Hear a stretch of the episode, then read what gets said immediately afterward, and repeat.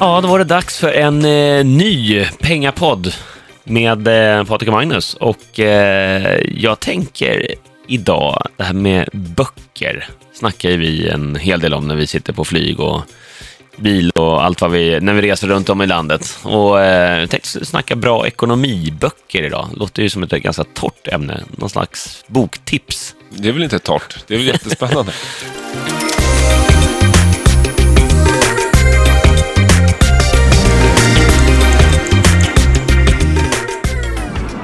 Ja, men man får ju väldigt mycket inspiration tycker jag från, från böcker. Och eh, du har varit inne på ämnet ibland, vad vi har läst för böcker tidigare och vilka böcker som man har upptäckt igen. Och, Ja. och det, det, det, jag tycker det ger väldigt Det är lätt att man eh, tycker och tror att man är hyfsat fullärd ungefär bara för man börjar bli lite åren. Men jag, man kan alltid hitta ny inspiration och nya vinklar på saker och ting. Så att, eh, äh, dagens ämne blir alltså privatekonomiska böcker och lite boksnack och tips från, från oss. Böcker som vi har uppskattat genom åren. Ja, men precis. Och det är som du säger, man utvecklar ju eh, sin eh, smak och sen kan det vara intressant att titta på någon, det är ungefär som att titta på en gammal film som man kanske hade som favorit när man var 15 eller 20, så ser man den 20 år senare så, Så var den inte så bra. så var det inte så bra.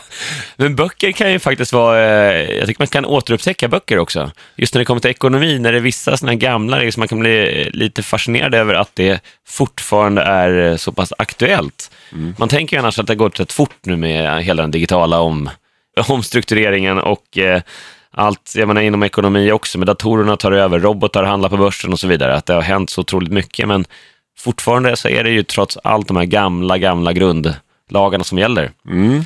Så eh, man måste ju få in mer pengar man gör av med för att det ska gå ihop och så vidare. Så vissa sådana här grundregler gäller ju fortfarande.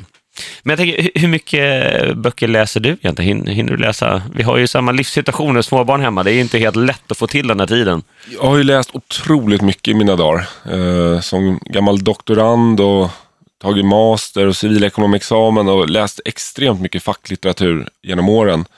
Och ändå så måste jag säga att det som har varit min stora passion vad det gäller böcker utanför den akademiska världen så är det självbiografier av framgångsrika människor eller om framgångsrika människor. Det, det tycker jag är spännande att få följa en livsresa med eh, upp och nedgångar och, och goda råd på vägen. Exempelvis, eh, fortfarande minns jag att eh, ja, allt ifrån idrottsstjärnor till eh, företagsledare så tycker jag är roligt att se hur, hur de har levt sina liv och vilka, Ja. vilka erfarenheter de besitter. Ofta kan man där hitta väldigt mycket bra inspiration, även om det inte kanske har exakt med privatekonomi att göra. Nej. Men just nu, för att svara på frågan, så läser jag nästan ingenting förutom på nätet dagligen. Jag läser otroligt mycket affärstidningar och eh, andra skittidningar också för den delen. Kollar, kollar, kollar ju rubrikerna på Aftonbladet eh, ständigt. Så det, det, det är ett flöde hela tiden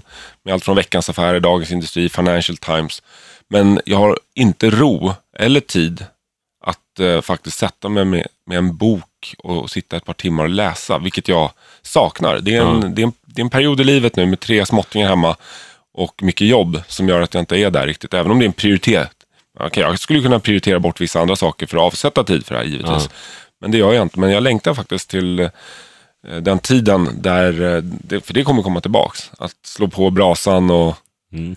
sätta sig och, med en god bok. Alltså. Det tycker jag är livskvalitet. Ja, det är det ju. Det är ju härligt. Men, men just nu så, så är det inte mycket läsning för mig. Men desto roligare att prata om det då faktiskt. För det går jag igång på. Ja, det är bra. Du tycker inte lika torrt ämne som jag med böcker. Nej, men böcker är ju som säger, många eh, läser nästan allt på nätet idag, eller man lyssnar på saker. Man gör det parallellt med annat. Det är väl därför också med ljudböcker och poddar trots allt har blivit så pass stort i eh, textkonsumtion. Ja, men det är väl just det med tidsfaktorn också. De flesta Ja. vill maximera och utnyttja tiden eh, på bästa sätt. Och då blir det ofta, de kanske lyssnar i bilen på en ljudbok eller på en podd. Och, och så den här boken står kanske mest och dammar i bokhyllan. Ja, men så är det. Likadant med, precis som med tidningar, printtidningar. Det är något speciellt tycker jag på eh, en helgfrukost, långfrukost på lördagen och sitta med en, en riktig gammal tidning som prasslar. Det, det kan jag inte hålla med för att sitta och småle här på andra sidan bordet, men det, är, det här är precis du i ett nötskal. alltså, då måste vi ändå berätta. Traditionell. Då måste man ju berätta att när Magnus ska boka in någonting i sin kalender, då brukar jag ta fram min mobil så tänker jag nu bokar vi in det här, pang på. Då säger Magnus, ah, mm, jag måste nog, men jag mässar ikväll, jag har ju kalendern hemma.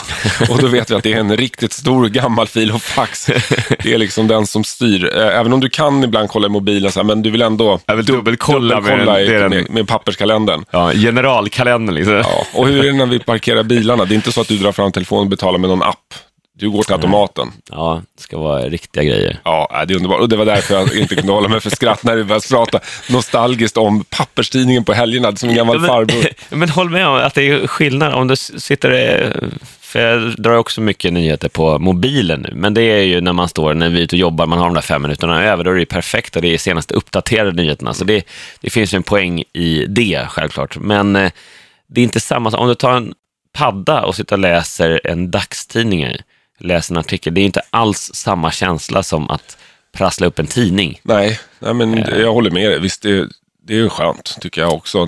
De gånger man eh, går ner på en hotellfrukost och ja, tar den här... Ta en det i färskri. Ja, det, liksom. det, är härligt. Det är superhärligt. Och då, ja. då orkar man ju läsa lite längre och fördjupa sig lite mer tycker jag. Ja. Sitter man med mobilen så blir det oftast ingressen och lite till. Ja, men så är det. Det är lite speciellt. Men nu vet jag en del flygbolag har ju också jag är, ja, det vet ju du på morgonen. greppar alltid tidningen när det står en sån här tidningsställ. Men nu är det en del bolag som eh, man får ladda ner istället till sin mobil, tidningen, och sitta och läsa. Då blir du sur. ja, då byter jag flygbolag. Nej, men ja. det, det, är vissa saker sådär är lite speciellt. Och böcker är ju en sån sån sak också. Man vet, jag vet inte riktigt vad, vad bokvärlden kommer ta vägen heller. Det är kanske inte det vi ska diskutera idag, men Eh, Eh, man kan ju fråga sig också hur, hur lång framtid det finns. Nu börjar det läggas upp, jag vet, eh, jag hörde någon nyhet för några veckor sedan att i Norge, så alla böcker som har släppts i Norge håller man nu på att lägger in digitalt så att mm. den nya generationen kan, eller alla generationer ja. kan söka på det. Alla böcker i hela världen. Ja, alla böcker som, som i alla fall alla, alla ja. som getts ut i Norge då, ja. officiellt. Och det här börjar man diskutera då tydligen i Sverige, om jag förstod det rätt också. Det, ja, det där har, måste jag säga, inte för att slå tillbaka det, men jag läste om det här för massa år sedan. Att det skulle göras ett jättejobb, arkivera alla publicerade böcker. Ja, det är ett det... hästgöra, kan man tänka. Men, men eh, det är frågan då om den fysiska boken ens har en eh, framtid. Men eh, oavsett det så, så kommer det fortsätta släppas böcker, även om de kanske då kommer bli mer i, i ljudboksform och digital form. Mm. Men jag tänkte, vi, vi kan väl snacka om några specifika böcker också? För det är just när det kommer till privatekonomi så är det ju, de, för de som inte är eh, särskilt kallade eller särskilt intresserade av det, men ändå någonstans vill lära sig mer, så kan vi titta på vad, vad finns det för böcker att välja på? För det är ju det är en stor uppsjö där ute. Det finns hur mycket som helst och det beror på vad man gillar för inriktning och så vidare. Jag gillar ju de här lite success stories. Det går jag igång på. Jag, jag, finner, jag får motivation och inspiration av det. Ja. Men sen finns det ju mer faktaböcker och så vidare också. Men eh, en riktig klassiker för de som har läst ekonomi, antingen på universitet eller till och med på vissa gymnasieskolor tror jag att den här kommer upp ibland. Och det är ju Vår ekonomi av Claes Eklund gamla SCB-ekonomen som skrev den här för många decennier sedan och den har kommit ut i, i många uppdateringar. Då. Och eh, den ger ju en väldigt bra överblick kring eh, makroekonomi egentligen, men det är det som sen styr vår privatekonomi. Och eh, det är en bra grundläggande bok skulle jag säga för den som är ekonomiintresserad och vill få det ganska lätt förklarligt. Mm. Det var många år sedan som jag läste den, men den, eh, den refereras det ju till fortfarande i många olika situationer. Så det, det, är en, en bra klassiker, en bra instegsbok för att förstå eh, samhällsekonomi egentligen, mm. på det lite större planet. Ja, jag tänker för de som inte vet vad makroekonomi är, är ju det, det, det lite större, samhällsekonomin helt enkelt. Hur allting hänger ihop. Vad händer om räntorna går upp? Vilka effekter får det? Eller om vår valuta, svenska kronan, eh, tappar i värde mot andra valutor eller ökar i värde mot andra valutor och så vidare. Vad, vad händer då? Eller om Riksbanken trycker ut massa mer pengar helt enkelt, trycker ut nya sedlar, vad, vad får det för effekter? Ja, inflation, vad, vad är det för samband mellan eh, inflation, ränta och eh, arbetslöshet? Mm. Det, är, det är en nationalekonomi helt enkelt. Ja. Ja, så den boken tycker jag, den är väl en måstebok för alla som eh, vill allmänbilda sig inom ekonomi. Mm. Det tycker jag. Bra. Jag har ju en, eh, ett boktips här som, eh, som heter En liten bok som slår aktiemarknaden bevisligen. Och det, den är ju amerikansk och det är Joel Greenblatt som har skrivit den här.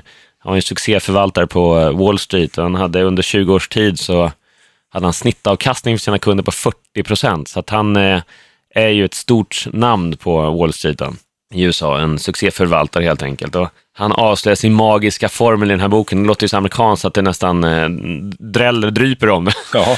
Men eh, det blir ändå intressant. Vad, vad går den ut på? då? Vad är hans eh, hemliga succémetod? Ja, men eh, egentligen så är det ju eh, att helt utan förkunskaper så ger han liksom den, eh, eh, dels förståelse för hur hela aktiemarknaden fungerar. Och det här är en ganska... Eh, Utan förkunskaper för läsaren. För läsaren, precis.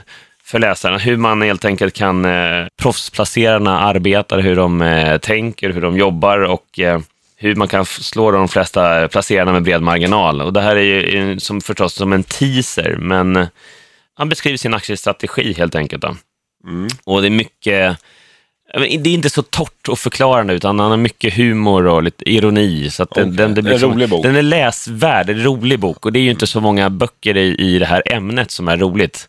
Nej. Och jag tänker, eh, just för de som kanske går där ute och tänker att med aktiemarknaden, börsen, man har ju fattat att det är rätt bra att finnas där. Mm. Och man kan faktiskt få eh, sina pengar att växa rätt bra där, men känner sig lite osäkra och tycker det är alldeles för tråkigt att läsa böcker som, som beskriver det här. Mm. Så tycker jag att det här kan vara en, eh, en bra första bok helt enkelt. Okej, ja, för Och, de eh, som har ett intresse handbok. eller vill få upp ett in- intresse helt enkelt. För Ja. aktiemarknaden. Exakt. En, en annan bok är lite på det temat, men eh, som faller mig i smaken som gillar biografier eller människoporträtt. Då finns det en bok som heter Så här blev Warren Buffett världens rikaste person, skriven av Per H. Börjesson. Det är en ganska ny bok det här. Och, Ja. eh, jag har inte läst den från eh, perm till perm, men jag har läst några utvalda kapitel och episoder i boken. Den tilltalar mig mycket, för det, det är en bok som som verkligen beskriver hur eh, amerikanen Warren Buffett då, från två tomma händer lyckats bli världens rikaste man. Och det är bara där tycker jag att det finns en, någonting som kittlar och inspirerar och motiverar Ja. mig och många andra. Och det här är inget hokus pokus heller, utan det är väldigt basic, down to earth, en, en tydlig långsiktig strategi som han står för och som många känner till som är intresserade av aktier. Det, Ja. handlar, väl, det handlar väldigt mycket om sunt förnuft. Att kunna analysera ett bolag utifrån fundamentala Ja. para, parametrar, eh, siffror och eh, välja ut kvalitetsbolag och sitta, och, och sitta på dem väldigt länge, de innehaven. Långsiktigheten är nyckeln här. Mm. Och eh, att det är stora kvalitetsbolag med starka balansräkningar och, och eh, ofta hög direktavkastning. Och han har ju visat att den här med Warren Buffett-metoden, den, eh, den har funkat extremt bra i åtskilliga decennier. Det är många fonder och fo- fondförvaltare nu som har egentligen kopierat det här också. Ja, som tar rygg på honom Ja. för Buffett-metoden. Så det, det är en bok som, Ja. är du intresserad av aktier och, och förvaltning av dina pengar så är det här en väldigt bra bok som är väldigt inspirerande. Buffett har väl varit lite sådär också att eh, han har varit väldigt het i perioder, kanske speciellt när det har skakat, eh, jag IT-kraschen till exempel, eller 2008 då när finanskrisen, när många av de här förhoppningsbolagen eh, störtdök och tappade enorma värden. Så har ju han eh, varit det många gånger också i kanske lite, lite tråkigare aktier som man kan eh, säga generellt, det är inte de här som sticker oftast eh, 200% på ett år, utan han har de här långsiktiga strategierna, han tuggar, tuggar sig uppåt i värde. Nej, men hans strategi, Inga snabba svängningar, liksom. Han är inte ute efter att hitta tillväxtaktier som ska dubblas i värde på ett år. Utan Nej. han letar efter kvalitetsbolag där han är beredd att sitta med innehaven i 10-20 år. För att nämna några exempel på hans innehav så är nu Google, Apple, eh, Coca-Cola eh, decennier. Mm. Han har eh, Heinz, vet du om ketchup, va? tomatketchup, han kör här McDonalds, han har suttit på ja. under många år. Så det är väl intressant med honom också, just att han kör det som jag tror många nybörjarplacerare också kanske fallerar på, att man, man vänder kappan efter vinden. När marknaden ändras så ändrar man sin Strategi, strategi. ja. Och att, eh, det, det kan man tycka att ja, men det ska man väl anpassa sig om marknaden störtdyker eller om den bara rusar som en raket så måste man eh, förhålla sig till det, självklart. Men han har ju haft en strategi över tid så man vet vad han gör. Så även om det skakar kortsiktigt så, så är det inte så att han eh, panikagerar. Utan han vet att det här kommer att hända, han tuggar sig vidare. Snarare tvärtom, det är då han köper på sig mer aktier när, Ja. när det dyker. Så det enklare sagt än gjort, men har man en långsiktighet och en, eh, och en tro på det man gör så, så visar det sig här också att det, det Ja. funkar. Ja. Det funkar. Och jag, tror, jag tror att man uppskattar också eh, Buffett mer ju äldre man blir, när man, när man har haft lite tid, när man förstår poängen med det här. Ja, det kan man ju tillägga också. Buffett är ju en bra bit över 80. Jag har faktiskt ingen koll på exakt hur gammal han är. Men, Nej, eh, men han han, är still going strong. Men han är, han är gammal i gamet och det talar ju också för... Han har ju hållit på med, med detta hela sitt liv. Ja. Och eh, tiden har ju utvisat att han har rätt. Ja, men så är det ju. Men jag tänker att det kan tilltala också någon mer lite, som är lite mer senior. För är man eh, 18, 19, 20 år på väg ut i livet men vill kanske landa sitt första jobb eller jobba något år tillfälligt och vill börja spara och placera i aktier, så jag tror idag när många också eh, läser om de här succéstories, när de startar något spelbolag eller någon app som blir superframgångsrik och så gör den eh, enorma pengar på väldigt kort tid och via sociala medier och så vidare. Daniel, eh, Daniel Wellington och så vidare. Eh, sådana resor så är det många som kanske inte attraheras av det här långsiktigt heller, men över tid så är det ju brutalt framgångsrikt. Ja, jag har en annan eh, bok här också som, eh, som jag tycker är fantastiskt roligt, som heter Freakonomics. En vildsint ekonom förklarar det moderna livets gåtor och eh, den här egentligen ställer rätt många av de här gamla beprövade sanningarna, både ekonomiska sammanhangen men också övriga samhällsfrågor i ett helt nytt eh, ljus. Och eh, förklara lite hur allting hänger ihop, men, eh, men framför allt så tycker jag den här väcker jag vet inte, det vä- väcker lite insikt om att eh, saker och ting behöver inte alltid vara så som det först ser ut, eller det behöver inte alltid vara så som det förväntas att vara. Och trots allt ska man eh, göra bra pengar på oavsett marknad eller eh, med placeringar så, så kan det vara en fördel att inte göra som alla andra, att inte följa John, utan faktiskt gå sin egen väg. Och kanske hitta de här, eh, de här luckorna som ingen annan har upptäckt. Så den där är egentligen, eh, kan man säga att det är en liten motsats till Buffett? Den där är lite mer Ja, eh, jag skulle säga det. det är. Ja, Och eh, snarare, tänk inte som alla andra utan eh, tänk tvärtom nästan och hitta luckorna och, och så skapar du en förmögenhet på kortast möjliga tid då, eller? Ja, lite så. För Buffett har ju byggt, eh, byggt en förmögenhet från två tomma händer på, på logik, skulle jag säga. Sunt förnuft, logik och låta tiden arbeta.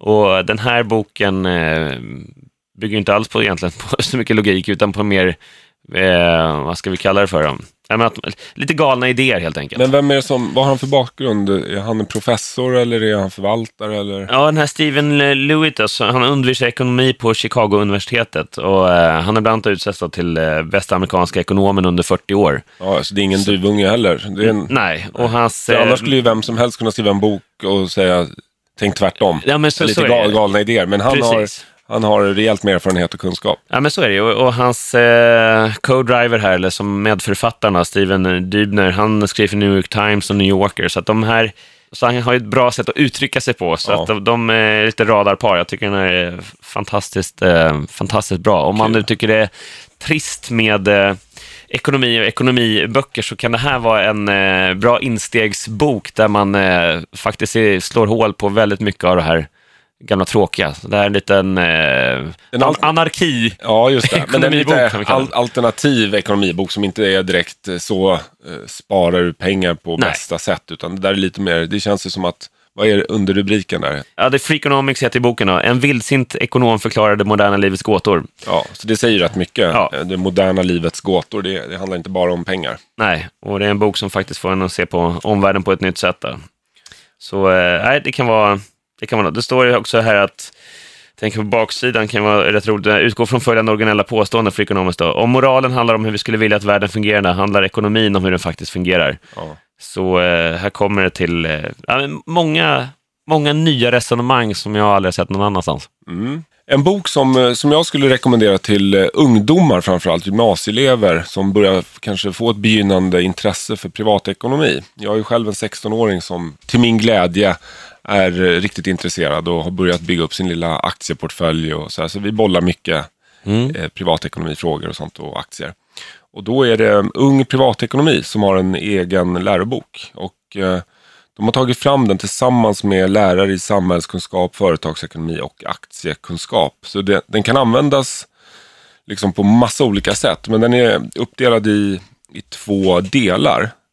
Där eh, del ett är mer åt eh, lite breda, så sköter du din privatekonomi. Hur funkar det med lån och räntor? Och det, det som vi ofta säger, du och jag Magnus, när vi pratar om att de som vi besöker i Lyxfällan, det känns som att de har missat de här eh, absolut enklaste begreppen. Vad, vad, hur funkar det med räntor? Vad innebär det när man tar ett lån? Och Hur ska man sköta sin privatekonomi i vardagen? Hushållsekonomi. Att hushålla med res resurser. Det är del ett och del två.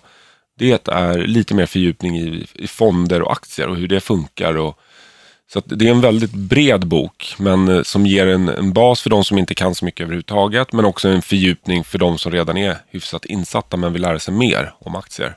Så Den tycker jag är en bra, väldigt bra instegsbok också. Jag tänker med aktiemarknaden, det är mycket böcker om det, men någonstans ska man eh, över tid, som vi har snackat om många gånger förut, så är det ju att få en bra och sund ekonomi och ha ett långsiktigt sparande så är ju aktier, speciellt i dagens eh, ekonomiska klimat, så är ju aktier och föredra. Man måste nästan ha en aktieportfölj. Klart du kan göra eh, pengar på bostäder, men det är ju oftast bundet där också.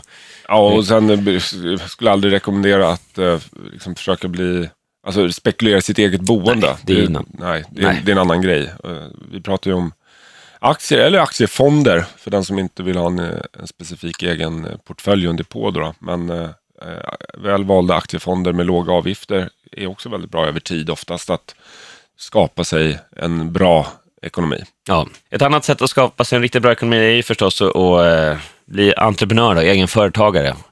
Och ska man vara krass så är det så i, i Sverige så är det ju, med de skatterna som vi har, så är det ju svårt oavsett nästan vad du har för lön, så är det svårt i alla fall att eh, göra sig en förmögenhet på eh, vanliga eh, löneinkomster. Utan det krävs ju nästan något extra, att du förstås då investerar eller eh, på något sätt då får de här pengarna att växa.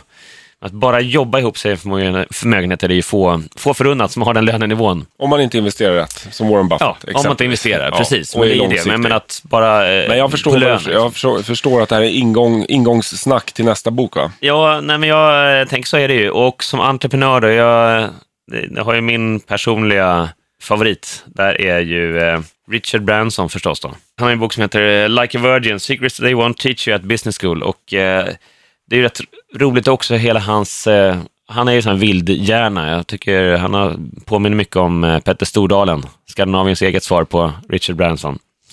Eh, det som jag är så imponerad av med Richard Branson är att han har, det känns som han, han bara väljer en bransch lite på måfå sådär. I alla fall så har jag uppfattat det tidigare, som han vill gå in i. Han började ju med Virgin Atlantic, både skivbolag och flygbolag. De två branscherna hade i alla fall, i- då när han började fanns det ingenting gemensamt egentligen. Men eh, han har gått in och i stort sett vilken bransch han än verkar välja så, så lyckas han och blir framgångsrik. Det började med, med eh, han var ju skivbolagsdirektör. Virgin, ja, precis. Och sen blev det flygbolag och, Ja. och läsk har det varit också. Ja. Det, det ner, Virgin? Cola, ja. Men jag menar, de här, det är liksom... Men, en- vänta, hörde du vad jag sa? Det lades ner. Va? Du sa att han blev framgångsrik. Vad han än tog i. Men lades inte Virgin Cola ner? Ja, det är mer än jag vet. Jag tror att han har byggt upp en extrem eh, aura kring sig själv. Och han är otroligt dynamisk och eh, starkt varumärke. Och det är många som ser honom som sin superentreprenör, precis som du gör. Jag tycker också han är superhäftig karaktär. Han, men jag tror att han har gått säkert gjort många dåliga affärer också under Ja. alla de här åren. Sen så är det det man läser om och det man ser och det han pratar om, det är det som har gått bra givetvis. Ja. För det andra eh, lever förstås en lite blek tillvaro i skuggan. Ja. Självklart är det så att allt han har tagit i har väl inte blivit guld, men han har ju lyckats eh, utkristallisera vilka som är bra att satsa på och så har han kört Ja, Den kört, grejen. ja, han har ju verkligen kört sitt race känns det som. Han är ju inte på något sätt den här klassiskt skolade företagaren som eh, Nej. har gått i, han, han bryter ju lite som, tycker jag, Stenbeck. eh, Ja, går, lite- eh, men går, går sin egen väg framför allt. Ja. Men det som är häftigt tycker jag med, med Branson som är skillnad också är just att han har lyckats i många olika branscher parallellt. Ja. Och det är ju väldigt udda, för annars har vi vi har ju många superentreprenörer i Sverige också med ja, Fintech nu, Klarna, eller eh, ta Petter Stordalen då, Norge med hotellkedja, men då är det en, en bransch de är inne i, eller spelbolagen. Men just att han har gått in i olika, han har lyckats i, i skivbolagsbranschen, han har lyckats i flygbolagsbranschen, han har varit inne i dagligvarubranschen, så att, eller som leverantör i alla fall. Då, så att det kräver ju, någonstans så säger det, då, då har han ju eh, någonting extremt entreprenörskap i sig. Eftersom verkligen. man kan lyckas i flera olika branscher som är fullständigt okopplade från varandra. Ja, men han har väl hela tiden byggt på varumärket va? Virgin. Så är det ju. Som det började med. Så det, Ja. det väl har varit den gemensamma röda tråden. Ja, Men sen gillar han eh, lite galenskaper privat också med. Då är det ballong, ballongflygningar och lite äventyr. han älskar ju äventyr. Han är ju risk, eh, riskbenägen och det är väl en eh, ganska vanlig egenskap hos eh, superentreprenörer att de är väldigt villiga att ta mycket risk. Och det är klart, det måste man ju göra i de här sammanhangen för att, att lyckas. Så klart man måste riskera saker. Men det är väldigt intressant i den här boken i alla fall när ja, han snackar om det i början när de startar flygbolaget och hur, eh, hur att det är de där klassiska tror jag som väldigt många har entreprenörer har stött på i början, att det är ingen som tror på dem och det är just i den branschen ingen lätt att ta sig in. Det är enorma pengar som ska ut där för att eh, ja, leasa flygplan eller köpa flygplan och mycket eh, avgifter till flygplatsavgifter och tillstånd hit och dit, mycket personalkrävande. Så att det är ju inget eh, bolag som det bara startar upp med vänsterhanden. Nej. Och eh, höra hur de tänkte och med servicenivån att det skulle vara något helt eh, outstanding och sen att faktiskt ha, ha tagit det hela vägen. Så det är, jag, jag tycker det är en fantastiskt inspirerande, ja, en helt otroligt inspirerande entreprenörsbok. Så man kan ju förstås då ta små guldkorn ur och, och eh, översätta till sin egen värld, men framförallt Är- är inspirerad av att är- våga släppa sargen. Är det en biografi eller en, har han skrivit, är det en självbiografi? Eller? Det är en självbiografi, precis. Det är han som har skrivit det. Men jag, han har säkert haft någon spökskrivare kanske. Jo, men det är, men det är- som men det är står- hans- det är hans ord. hans det är ord, hans, hans hans, version Ja, ja. På, på eh, den här resan, som det så populärt heter idag. Mm. Mm, som jag är lite allergisk mot i ordet. För, Alltså, Ja. hela livet är väl en resa. Ja, men det- du tycker det är slitet? ja, det är slitigt det. Alla företag just nu är ute på en förändringsresa. Ja. Det är resa hit och dit. liksom. Ja. Eh, Sen har vi en bok som vi måste nämna i alla fall och det är, finns ju lite jäv där. Men vi har ju själva skrivit en bok som, som vi tycker är jättebra och som eh, heter Mer klirr i kassan. Och eh, det är ju Magnus Hedberg och Patrik Rimlund. Och det är ju det är våra erfarenheter från alla åren med Lyxfällan egentligen som har byggt upp den bokens olika beståndsdelar. För det handlar ju mycket om dels hur man budgeterar och vad enkla sparknipp i vardagen och så vidare. Men också hur eh, en dålig ekonomi kan ställa till det i livet och hur, precis tvärtom då, hur en bra ekonomi är en möjliggörare. För pengar har ju inget värde i sig, men pengar som vi menar eh, är så pass viktigt i alla människors liv. Det är för att eh, med, med en bra ekonomi så kan du styra ditt liv istället för att pengarna styr dig. Och det är det som är tanken lite, hur du formtoppar din ekonomi eh, på olika sätt. Och det är därför också vi lagt in i olika livsfaser. Så du har allt från eh, studentliv tills komma ut på arbetsmarknaden, få ett första jobb, men också hur du hanterar kanske en eh, skilsmässa eller eh, andra saker ställa till Eller att du bildar familj och får en helt annan ekonomisk situation.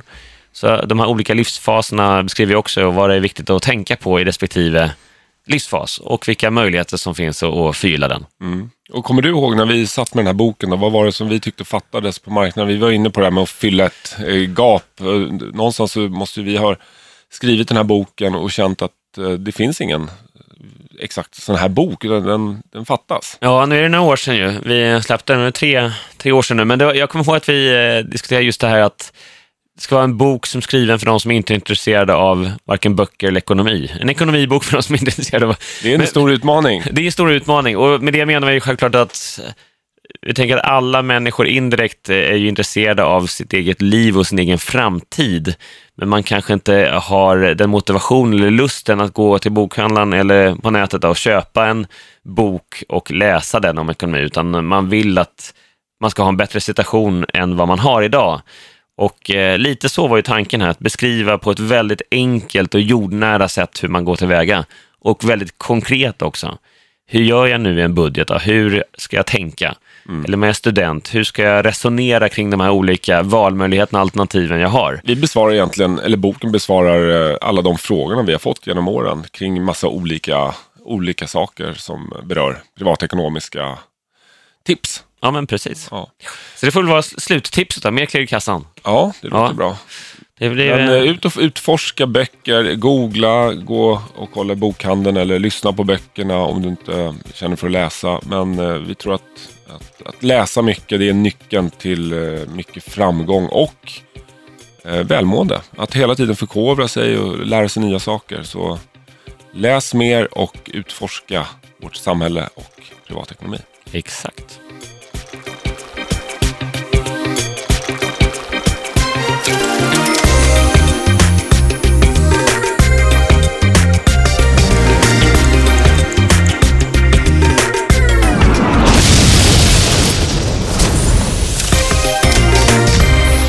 Produceras av I Like Radio. I like radio.